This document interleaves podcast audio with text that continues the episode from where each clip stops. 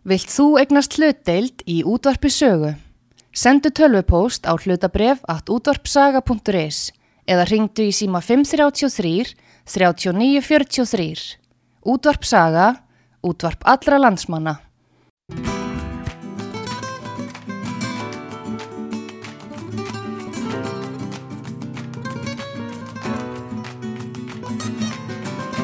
Þú ert að hlusta á unga fólkið með máguna sinni.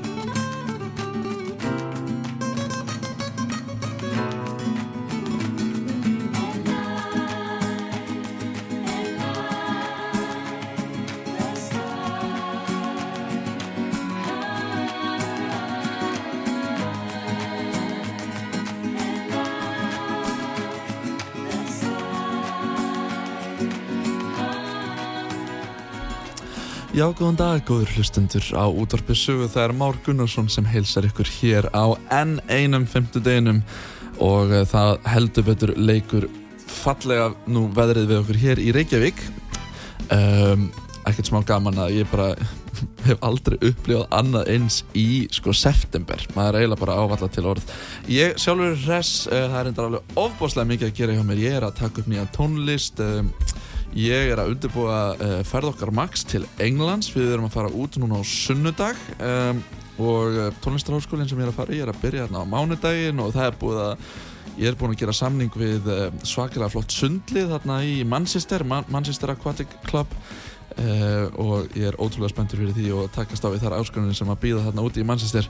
En framöndan hjá okkur í dag er klukktíma þáttur og ég er komið með góðan gest hér í stúdíu út á sögu og ég ætla að fá að kynna hann eftir örskama stund. En þetta verður svona á íþróttanótum þessi þáttur í dag og ég hvet fólk endilega til þess að staldra við og vera með okkur. En annars er það unga fólkið í dag frá klokkan 2 til 3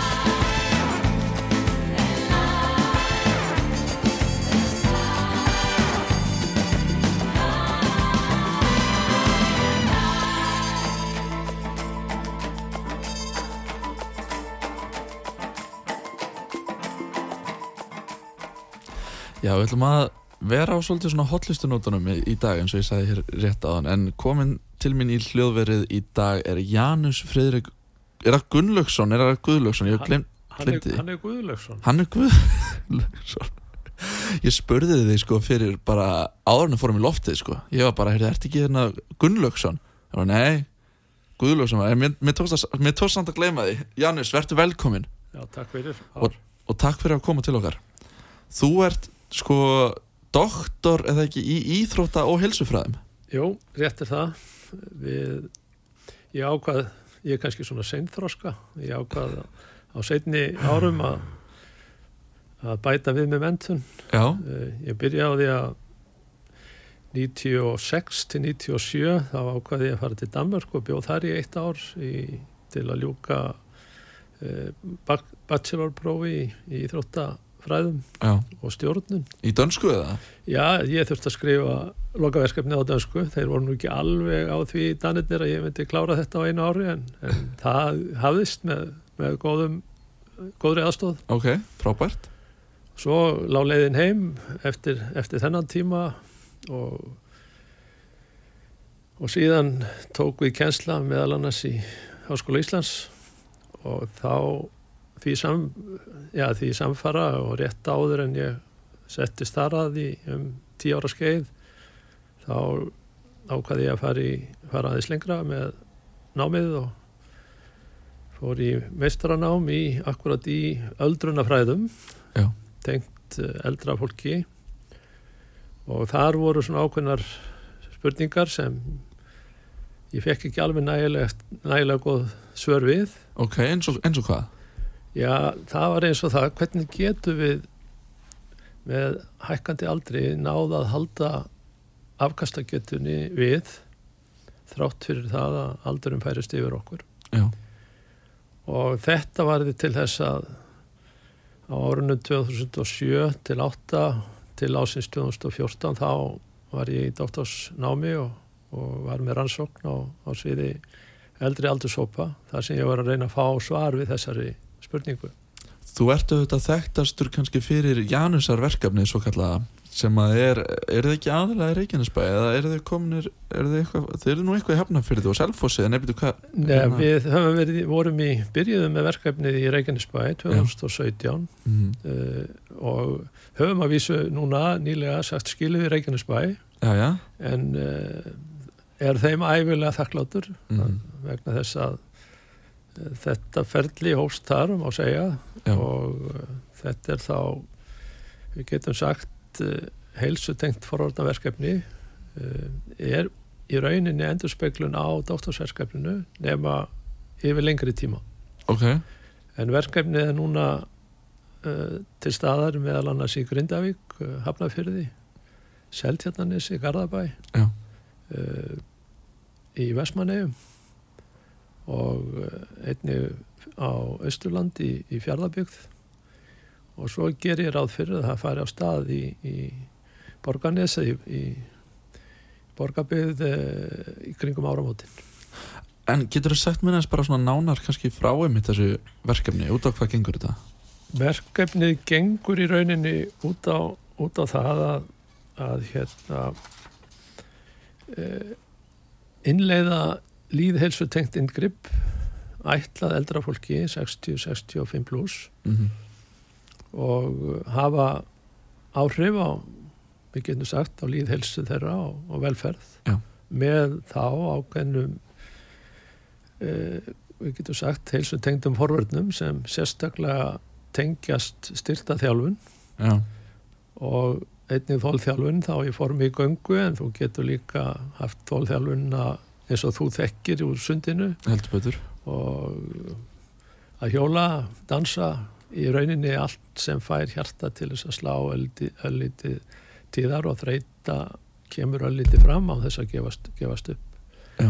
og síðan erum við með fræðsluðurindi og við skiptum þessu á nei, fjögur þrep yfir tveggjára tímabil.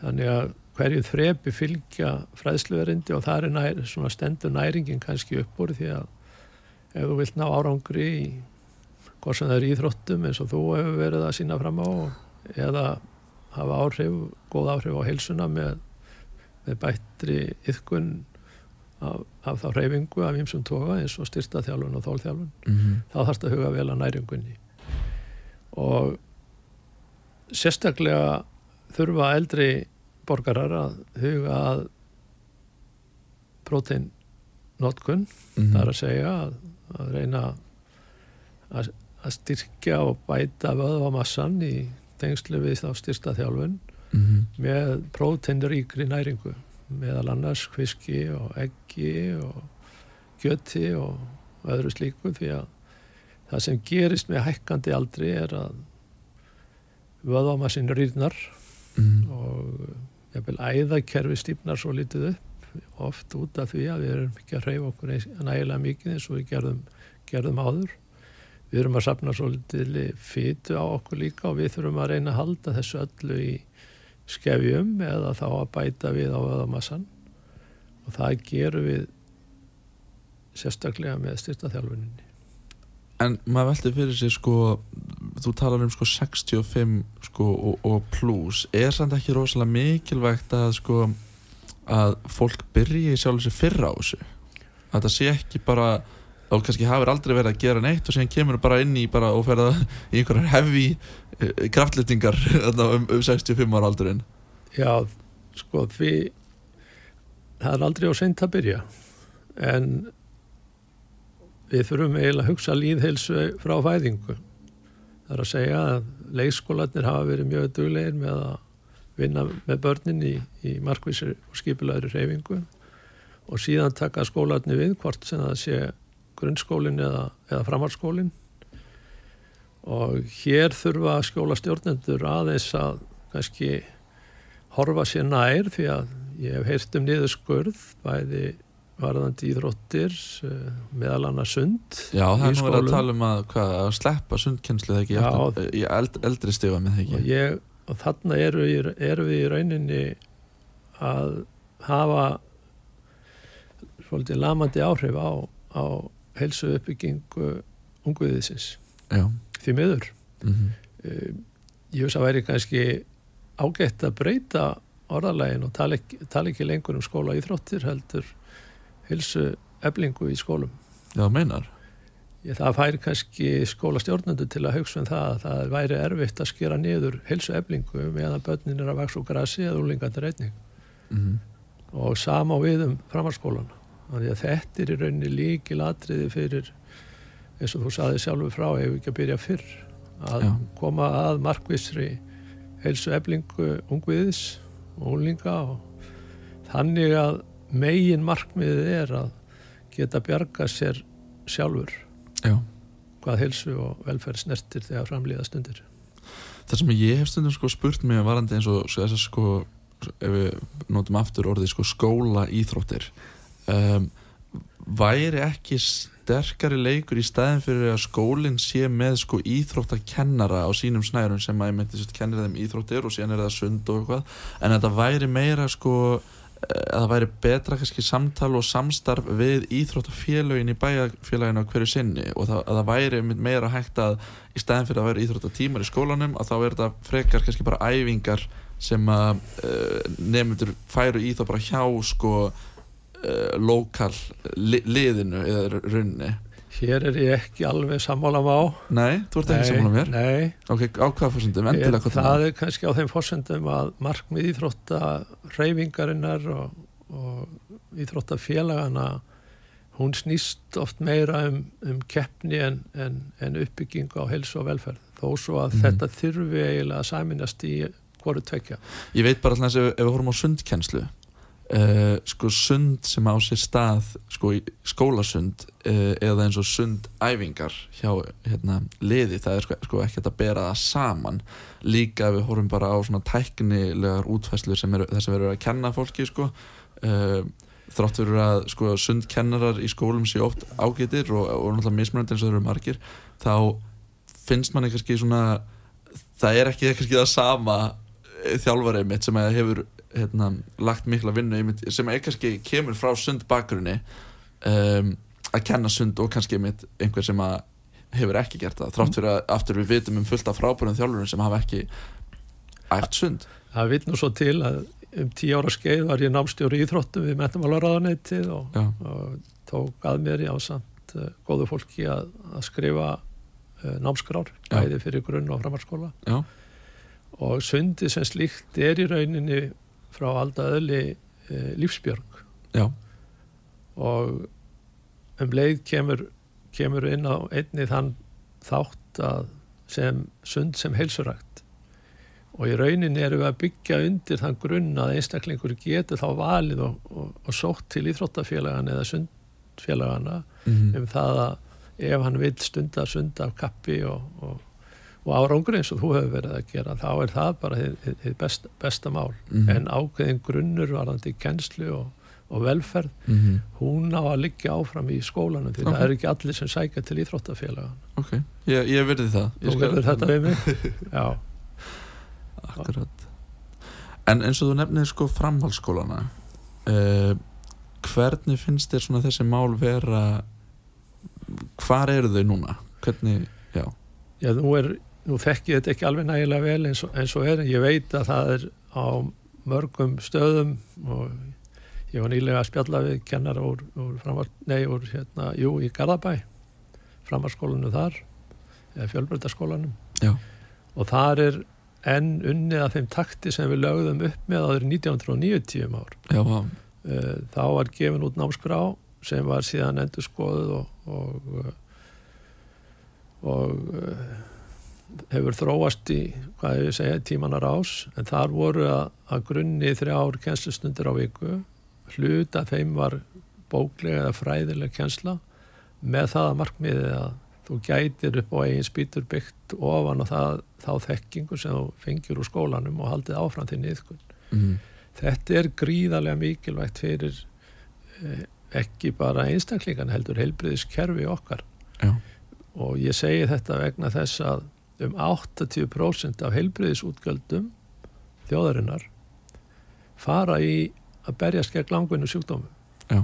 Það er svolítið mikið. já, það er mjög mikið, ég get haldið áfram við fleiri staðarindir, með 70% af bara döðsföllum Mhm. eru afleiðing af þessum langvinni sjúkdómum 80.000 Íslendingar lifa með háan blóðsykur svona sem dæmi og 25.000 Íslendingar eru með hjarta og æðasjúkdóma af einhverjum toga e, þetta er í rauninni það sem við erum að glíma við og ef við tökum ekki á þessum heilsutengdum forverðnum alveg frá leikgrunn og framhalskóla þá, þá lendum við á einum tímapunkti í mikilli miklum vandræðum. Og við erum þegar komin í ákveðin vandræði. Og fyrir utan það þá er á Íslendingum sem eru orðnir já, er að verða 60-65 ára gamlir, þeim er að fjölga gífurlega um 50-55 upp í 60% á næstu 15-20 árum og þetta hefur gríðarlega afleiðingar í förmið sér varðandi útgjöld í heilbriðismálum Mhm. og ef við náum ekki að byggja upp markvist heilsutengda forverðnir og nú vil ég eiginlega halda áfram úr skólanum inn á vinnumarkaðin Mhm. þá gætu við lent í vanda og við erum komin í ákveðin vanda nú þegar. Bara út af fjölda í rauninni. út af fjölda eldri aldurshópa. Mhm. þannig að við verðum bara að sætta okkur við það hvort okkur líki það betur eða ver að við erum að breytast í öldrun og samfélag. Já, þú meinar, já, það er bara svo leiðis já, Já. Um, Janus, ég held að hérna, þú, þú rætti við mér náðan um að þið langaði að spila Óskala í þættinum og ég hugsaði að það væri gaman að fá það núna áður en við hendum okkur í örstuttar auðlýsingar og höldum síðan áfram þessu spjalli okkar en, en hvaða lag myndir vilja fá Já, núna, Janus? ég, að því við erum að tala um svona mannlega heg, hegðun Já. þá er ég svolítið upp á aldi hjá mér Læðina Björk, Human Behavior Klæslegt, við skulum fá að heyra það og síðan um, fyrir við í örstutt auðlýsingarlega Már og þú ert að hlusta á unga fólkið og við verðum með ykkur aftur eftir örskamastund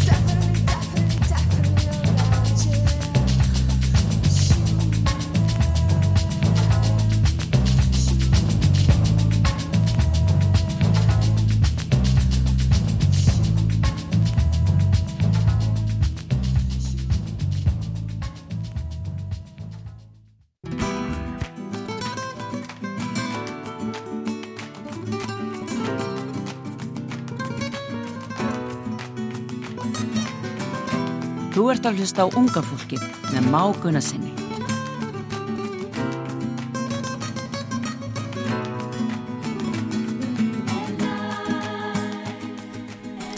Sælaftur eftir þetta örstutta auðlýsingarlíða Máur heiti ég. Ákvæðsett undarlega? Máur. Uh, og gestur minn hér í dag er Janus uh, Friðrik Gunnlaugsson. Nei, Guðmur Guður Er það ekki Guðlaugsson? Já, Jú, ég, ég verð ver búin að ná þessu Janus eftir þáttinn Það er nú ekki eins og ég sé að hitta því fyrsta skipti í dag sko nei, nei.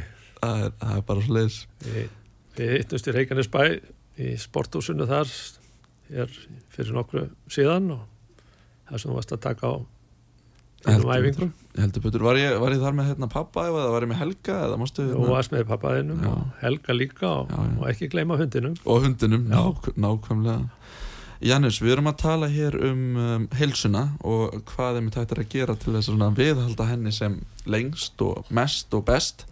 Og uh, við rettum hér aðan um, um, um skólana, um framhaldsskólana og, og, og svona.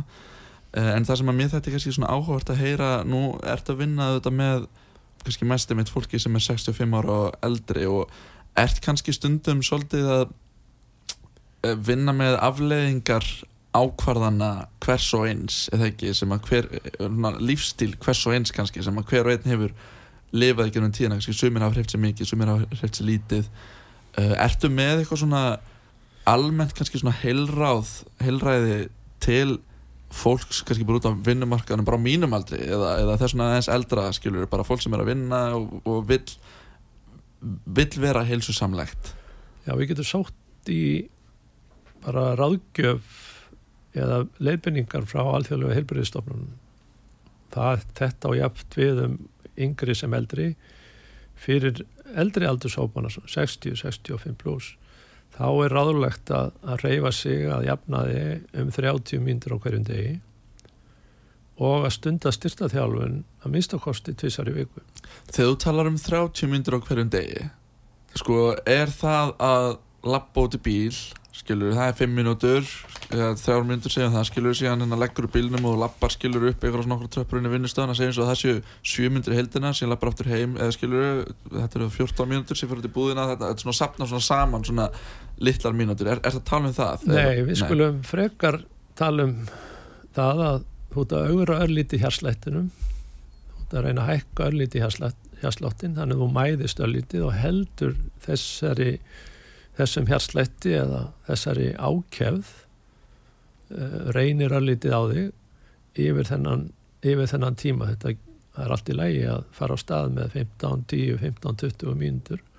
En svo kemur þetta mjög fljótt og hjartaði mjög fljótt að aðlagast álæginu Já, og það er nú eiginlega það sem við erum að sækjast eftir að eftir við getum sagt 6 mánu, hálft ár til eitt, eitt ár í þjálfun þá áttu að geta verið að stunda daglega hreyfingu þá í formi sunds, göngu getur verið líka að skýða eða hlaupa eða hvað sem fær hjarta til þess að reyna lítið á sig um, á milli 30 til 40 mínútur mm ef við skoðum eða förum aðeins neðar í aldursópana þá erum við að tala um svona 50 til 60 mínútur fyrir, fyrir úlinga -hmm. að reyfingin hjá þeim þarf að vera öllítið meiri Já. og síðan erum við að tala um styrtaþjálfun tvísa sinnum í viku Uh, það verk eða það verkværi sem við erum með er að eða við erum að setja upp áætlun hún er einstaklismiðuð þó svo að séu margir saman í hóp þá þurfum við að miða áætlununa við, við hvern og einn. Þetta er sam og þú ert í afrishópi það er ekki allir að vinna með sama æfingamagn og á sama ákjöf.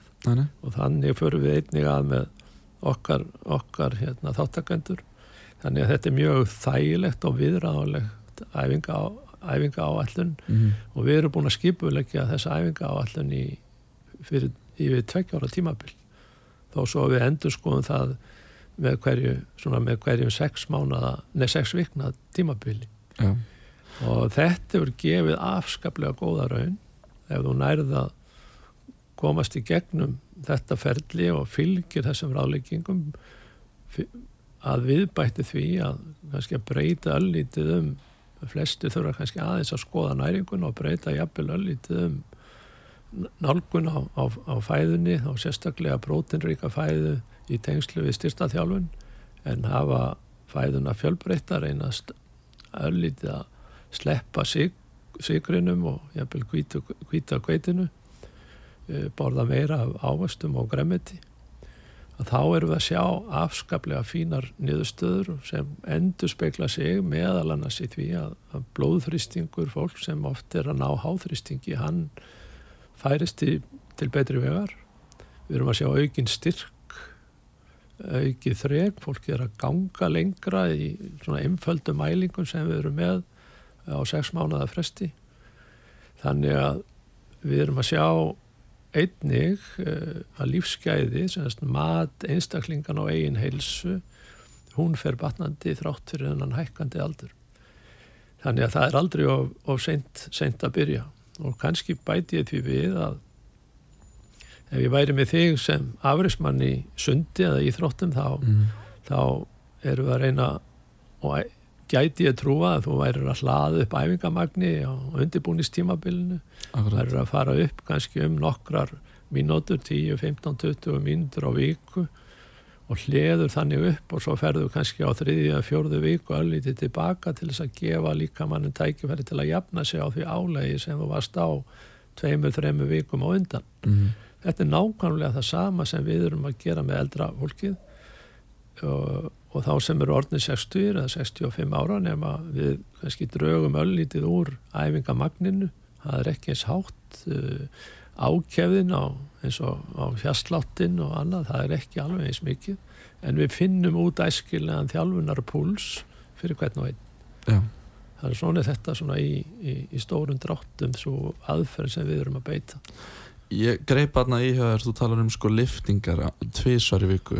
Erum við að tala um að uh, þið viljið bara henda fólki veist, bara undir bekkin og lifta skilur veist, 80 kílóum í bekk Ég vil, ég meina, Már, ég vil frekar tala um sti, en, Já, styrta þjálfum en liftingar en, en, en, en ég held við skiljum já, báðir. Við erum að tala um að, það er ágætt að byrja í æfingatækjónum í heilsurættastöðunum. Þau Mm. eru afskaplega fín til að byrja með og síðan gætur eftir kannski hálft ár til eitt ár gætur þú farið að snúa þær að lausu lóðunum og getur líka gert ýmsar æfingar án lóða til þess að styrkja helstu að líkamanns mm og við erum að sjá að því við erum að mæla einni vöðva á fytumassa og við erum að sjá að þrátt fyrir hækkandi aldur en með góðri næringu og tveimur til þremur æfingastundum á viku í heilsuræktarsal þá erum við að sjá vöðvamassan aukast Já, pældi því og það er nú bara mjög gott dæmi og ég held ég megi alveg segja það hér að því að við komandi gaf mér leifi, hann, er, Mhm. hann bauð mér nefnilega í 100 ára afmæli í sumar, Já. hann heitir Gunnar Jónsson og er Ok. úr Reykjanesbæ að hann var að bæta vöðamassan hjá sér þrátt fyrir það að vera komin á 97. aldursár á sínum tíma. já, pældu í því Þannig að hæfileiki einstaklinga til þess að bæta þessu við í lífstílinn, hann er ennþá sá sami og var þegar, þú, þegar þeir voru unglingar. En er sko eins og þessi Gunnar, ég held að ég hef séð eitthvað fréttum hann eitthvað tíma um daginn, hann er, er hann golfari eða veitu hvað, Nei, Gunnar er dansari. hann er er dansari mikill línudansari. Já, og er hann ennþá að, veistu það? Já, hann er ennþá í Reykjanesbæ að æfa og fylgir þessu sínum reglulegu ja, æfingadögum. Ég veit hann er tvisar sinnum í viku í styrsta þjálfun og svo gengur hann, býr rétt hjá knastmynduvellunum í, í Keflavík Já, eða Reykjanesbæ já, og þar gengur hann sínar daglu stundir. já, vá, og hann er eitthvað svo 96 ára Nei, nú, nú er hann á 101. aldursári Já, hann er orðin 100 Já. ára en þegar hann var hjá okkur þá var hann á þessu, þessu, þessu aldurspili 94 til 96 sjö ára En eins og þegar maður í hans stöðu er að fara eins og í ræktina og, og eða gera svona æfingar, er þá alltaf einhver með honum eða þarf við? Já, gott að þú nefnir það við erum, við erum alltaf með þjálfara til staðar þessar tvær stundir sem viðkomandi er hjá okkur og við skipulegjum það þannig að þau mæti á ákveðnu tíma og þau vita viðkomandi en geta svo með tímanum bætt við sig auka æfingatíma einu sinni viku þá á sjálfbæran hátt og það er í rauninni markmiði að geta stunda sína heilsurækt upp á eigin spýtur Já. og haft tekking á því hvernig, hvað þau er að setja á lóðin og hvað þungt á það að vera. Við erum stundum í vanda með það er nú sérstaklega kattmennir sko. Þeir eiga til í að hafa heldur þungt á. Já, tala nú ekki um að konurnar eru í kringu þá. Og, og, og ráð ekki við það kannski. Og ráð ekki við, nei en þannig er bara lífið stundum að það er ekki alltaf sem að ræður alveg við verkefni og þá grípum við inn í. Já, já, þetta erum hljómar eins og eitthvað típuski svona kallfuskar sem að ætla sko að sína sig já, sína krafta köglana sko. Já, já, en þeir þeir koma strax eða fljóta því að það er betra að fara sér hægt. Já, að því að þetta á að vara í rauninni út lífið. Já, algjörlega En, en þú sagði mér hérna um daginn, um daginn þú sagði uh, að hérna að Reykjanesbæra þetta Janúsarverkefni væri sett ekki lengur uh, til staðar þar. Uh, hvað kemur til? Já, nú verður eiginlega að spyrja eh, sko bæjar fulltrúana en, en þeir vilja kannski setja litla pressu á, á, á, á hérna ríkið.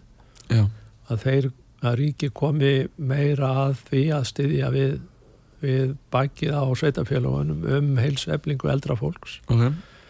En ég er nýbúin að sjá uh, svona sjónarhótt sveitafélaga uh, var könnun frá KPMG á vegum uh, félagsmálaráðunitisins og þar, þar kemur í rauninni ljós að sko útsvarstekjur eldra fólks þær hafa fimmfaldast á síðustu 15 árum. Ok, og veitu hvað eru útsvart? Er það, Já, hérna? það er bara fólk sem er í sjálfstæri búsetti og er að, er að borga sitt útsvar.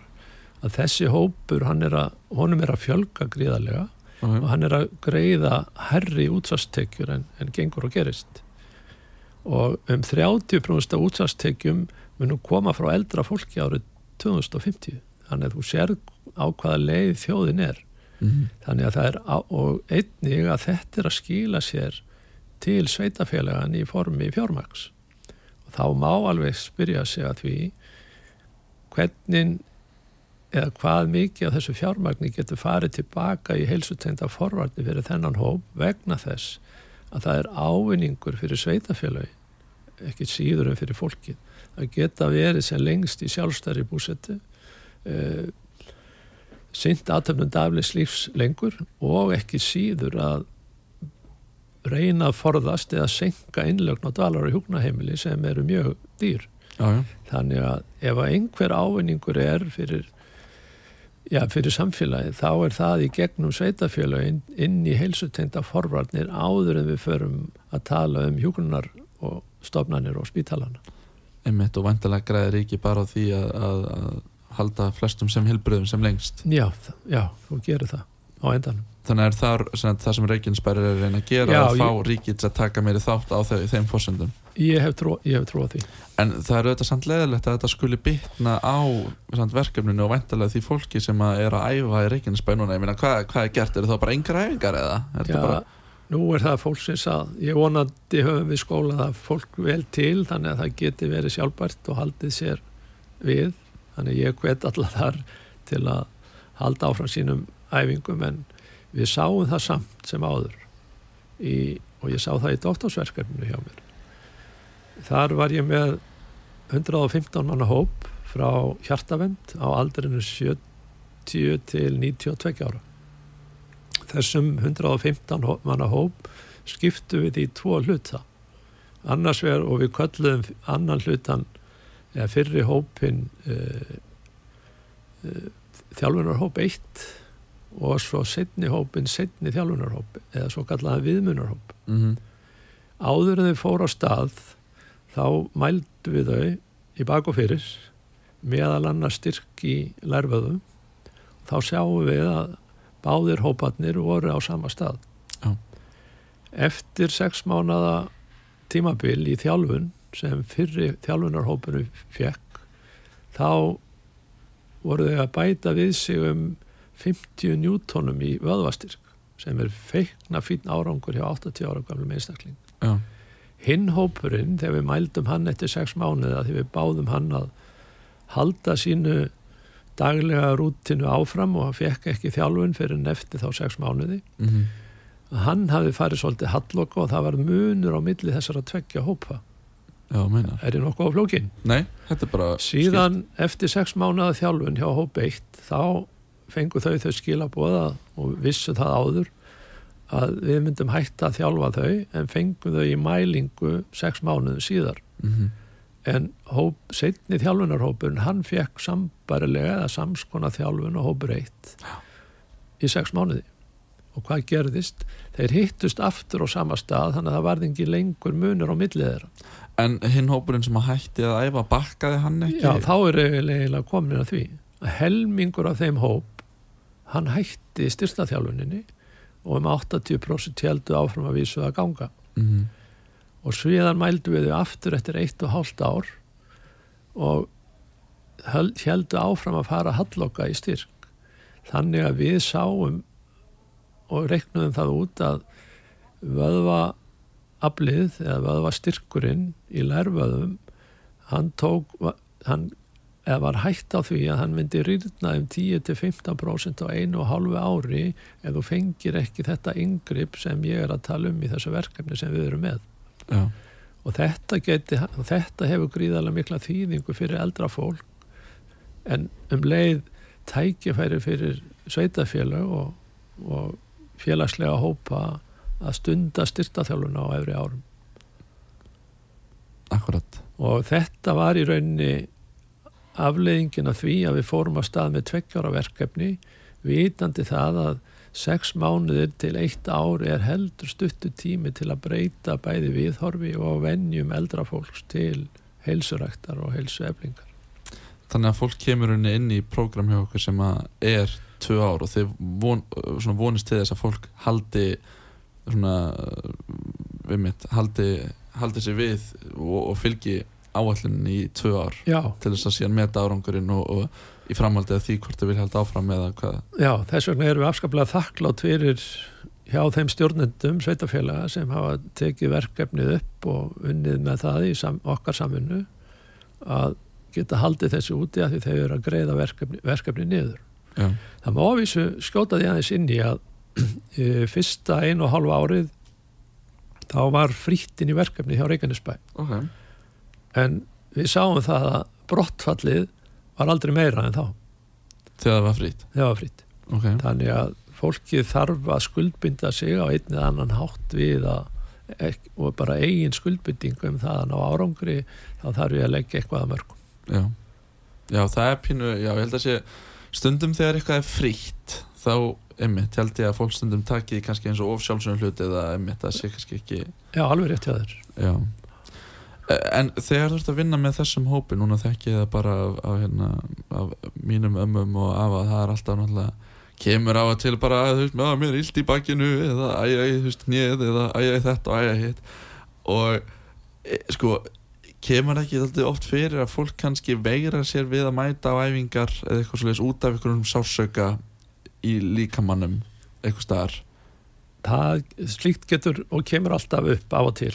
En það sem ég hef nefnilega haldið er sko ég finna að sásökin er ekkert að fara að fara kannski þannig séð sko veist, er hann e, e, væri ekki rauninni meiri líkur á að, að, að bæta hérna, að bæta aðstæðum, aðstæður með því að einmitt mæta á æfingu og reyfa sig og reyna að styrkja sig og koma sér í betra form í stæðin fyrir að vera bara heima hjá sér?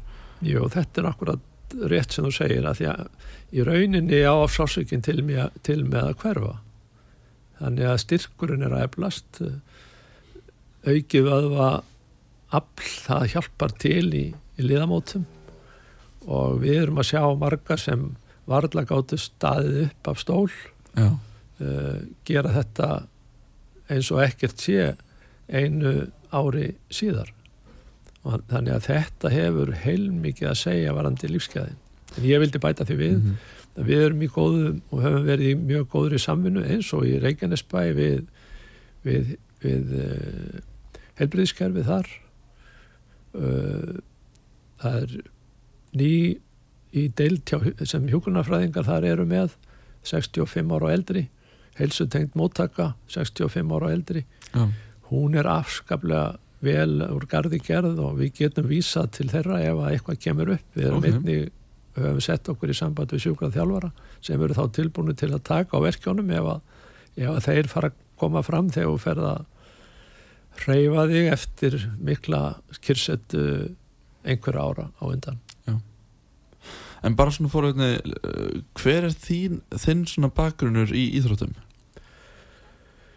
Já, nú þarf ég að fara alveg til Hafnafjörðar og, og fara aftur í í fortíðina, einhverstaðar á miðri síðustu öld. Ég Úff. fættu 1955 uh, byrjaði fljótlega að æfa í, hjá FH á sínu tíma bæði handbólta og fótbolta.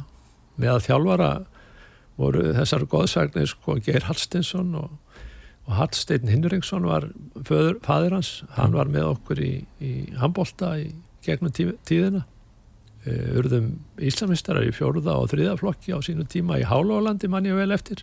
Það er ekki verið leðilegt. Nei. Og síðan var ég í knassbytunni líka og, og, og eftir á mö, mölinni á, á, á Kvalerarholsvelli það vildi svo til að úr eldúsklukkanum heima þá sá ég upp á Kvalerarholt Já, og leið og ég sá svona í glitta í mörkin og leið og ég sá einhverja hreyfingu þar þá var ég fimm eða tíu myndur setna komin upp á Kvalerarholt að, að fylgjast með að æfa.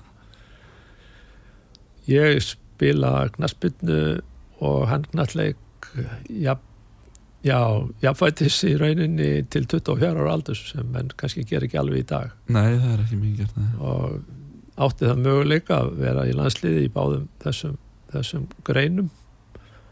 Eh, en ákvað síðan eh, 79 að fara til Þískalands og var þar í, við getum sagt, atvinnum mennsku í, í, í fimm ár í Köln í Þískalandi Já, ok. og þar kynntist ég og var sem doktors, eh, nei, sem hérna uh, gestanemi í, í, í háskólanum í Köln. Já, og var þar í, hérna fimm ár og eitt ári spilaði ég Lugano í Sviss. Þannig ég hef ágættis reynslu af þjálfun og æfingum og bygging að hluta til mitt verkefni á ekkert síður og ákveðinni reynslu sem ég hef fengið viða. En uh, hvernig er það, ferðið tíma og sparkar í bolta í dag eða?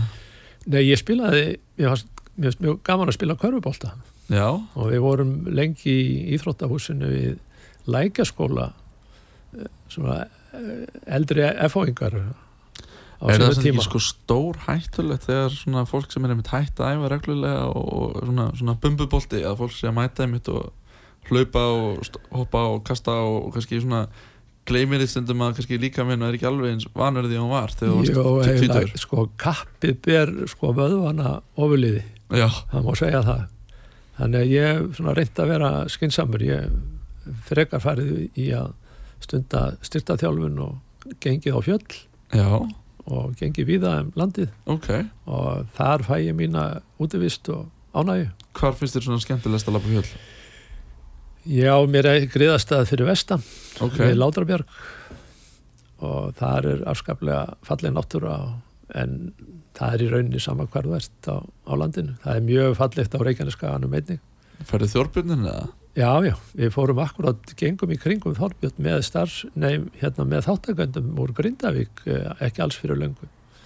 Og þar upplýði ég náttúrulega afleðingar þessara jarskálta því að það var mikið að grjóti sko vestamegin við Þorbjörn eh, fallið inn á gangustígan Já, veistu, ég sá þetta. Ég hérna fór uh, hérna, skokkaðum daginn upp Þorbjörn sjálfur Já. hefði, hafði tíma og Já. þá einmitt á einni, einum stað sko, ég, ég vil eitthvað ekki upp hérna, slóðana, ég fer hann upp einhverja hliðina sko, það sem að, að bara svona eila móseila bara svona all, all, nokkuð allar leið upp. Og það er allir svona bratt en, en reyngilega næst, en það er einmitt fann ég á miðri leið eitthvað risa grjótbjarg sem að, sem að hefur fallið sko.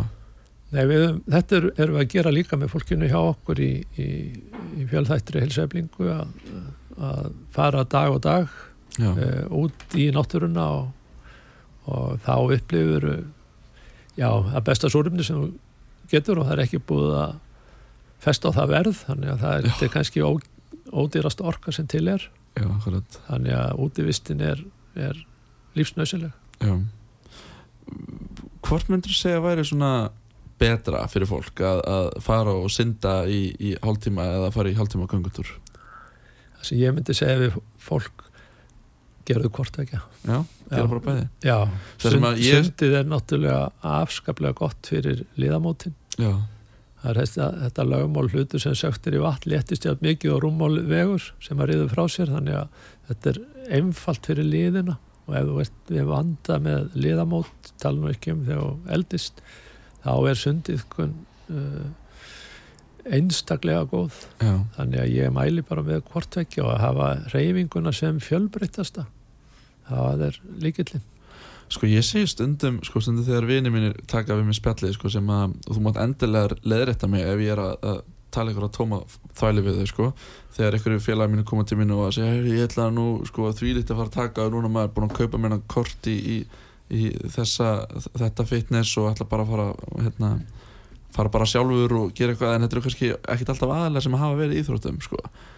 Og það sem að ég segi, sko, oft við fólk er að þú þart ekkit endilega alltaf að fara kannski í ræktina til þess að lifa hollum lífstíl. Um, vegna þess að eins og vorum að koma inn áðan þú getur farið í göngutúra og getur farið í sund og, og kannski ef þú ert að fara eitthvað sjálfur og lifta einhvern lóðum og veist kannski ekki alveg hvað þú ert að gera þá gæti það jafnvel bara verið skadalegt Já, mikilvægt er, þá komum við aftur inn í skólakerfið. Já, og sérstaklega framharskólan að vera búin að fá þann grunn sem til þarf til þess að kunna að lifta lóðan. Það er ekki sama hvernig þú liftir lóðan nei, nei, alls ekki. Og það er ekki sama hvaða þingdir þú leggur á lóðin líka til þess að lifta þeim. já, já, Þannig að það er mikilvægt að fá þessa kennslu og, og leiðbenningar uh, í upphafi og sækjast eftir því. Og, og við hefum í okkar verkefni mjög fína reynsla því að því að það eru svona 80-90% af þeim hópi eldri borgara sem koma til okkar í, í, í fjölþætta heilsueflingu. Þeir hafa aldrei stíði fæti inn í heilsurættastöð Já, og er í fyrsta skipti að lifta lóðum svona sem dæmi. Mhm, þannig að þess vegna er mikilvægt að og ég tel okkur hafa afskaplega færa þjálfara á okkar snærum sem eru bara einstakir og eru tilbúinir til að veita þessa, þessa ráðgjöf sem þú getur síðan setna byggt á og þá lendur ekki þessum vanda þegar þú fært að fara og stunda þína heilsurækt líka, líkamannum til heila. En nú Janus, uh, eins og eru þið ekki lengur að starfa í Reykjanesbæn þið eru það þó nokkur um öðrum stöðum Uh, fólk sem hefur áhuga á að kynna sér eh, það sem þið eru að gera og jafnvel koma og hitt ykkur og vera með hvað er best, best að gera? Uh, við erum með heimasíðu uh, janusheilsuefling.is geta þá skoða það og, og þar eru símanúmer og geta ringt til okkar ef þau vilja fá upplýsingar. Glæsilegt, janushilsueflik.is já, og, bara svo það sé endur tekið já, og við erum með aðstöðu í í, í Sandi Jóse spítali í Hafnafyrði sem heitir núna lífskeiðisettur Sandi Jó á Suðugötu 41 Ok, þar er alltaf einhver viðláttinn ef þið viljið koma við eða ringja okkur þá, e, þá erum við þar til staðar. Ertu með ykkur svona loka hilræði út í samfélagið Janus til fólks bara um þeirra líf og helsu og, og eitthvað sem þú vilt koma fram? Já, nú er sumar svona brátt á enda ef það er ekki komið á enda og hösti tekið við e, þá fara margir inn í, e, í ræktina eða það eru margir sem aðeins draga úr sinni helsu e, eða reyfingu seg, alltaf því að segja yfir vetramánuðina og það er kannski ekki alveg nógu gott. Þannig að ég hvet fólk bara til að fara eftir þessum ráðum eins og, eins og kostur er. Það er að reyfa sig að minnstakosti hálftíma á dag að jafna því. Eh, stunda styrta þjálfunar einhverjum toga, Lifta lóðum, lifta lóðum ef þú kanta já og fá þá bara leiðsög til þess. Akkurat. Og ekki síður að huga, huga næringunni. Og svo er það, þetta bara jákvæða lífsviðhorf að, hugsa jákvætt til heimsins og náttúrunnar Mm. og, og láta gott af sér leiða. Takk fyrir það Janus. En, en okkur heldur við að, að fólk mingi reyfinguna svona þegar vetramánuðin vetramánuðin leggjast yfir okkur? Já, það eru margir sem bera fyrir sig kulda, rigningu, snjó, aðstæður. Uh, en við getum mætt þessu öllu og það sem við erum með okkar heilsu eflingu líka innandýra að þá þá bjóðum við viðkomandi upp á, upp á þá nálgun einni og í mörgum bæjarfélögum eru, eru hérna, bæði stóri knaspinduvellir, jafnvel knaspindu hús eins og í Reykjanesbæ sem þú þekkir. Já, og þar höfum við verið með okkar þjálfun innandýra yfir vetramáliðinu. glæsilegt. Janus, enn og aftur takk kærlega fyrir komuna til okkar hingað í dag. Uh, Þetta var svo sannlega áhugavert og ég vona að fólk taki þetta svona til sín sem er að hlusta. Og ég óska þér og ykkur bara allsins besta uh, með þetta verkefni og vonandi sinna, fá að sjá meira af ykkur aftur í Reykjanesbæ. Flótlega Takk fyrir már og gangið þér vel á Englandi. Takk fyrir það. Góður hlustundur, þetta verður ekki mikið lengra hjá okkur hér í dag eins og alltaf vil ég þakka ykkur kærlega fyrir samfélgina. Ég vil minna á að hægt er að finna þættina inn á heimasíð út á saga.is eða þá inn á uh, podcast eða, eða Spotify, um, sem þetta podcast veitum. Um, ég er að fara til Englands núna á uh, sunnundaginn þannig ég gerir aðferði því að næstu þættir uh, verða mögulega í endurflutningu, endurflutningi ásakið en uh, við erum nú með það á dagskrá að, að senda út þætti frá Manchester og það verður heldur betur spennandi. Uh, ég vil nú bara enda á, á hérna, bara ef ef ég tek þennan þátt hérna í dag og, og, og tek hana saman þá bara ekkert múður. Farið og reyfið ykkur. Hafið þið gaman að því, farið þið varlega. Uh, ég heiti Morgunarsson, takk fyrir okkur í bili og heyrjumst síðar, bye bye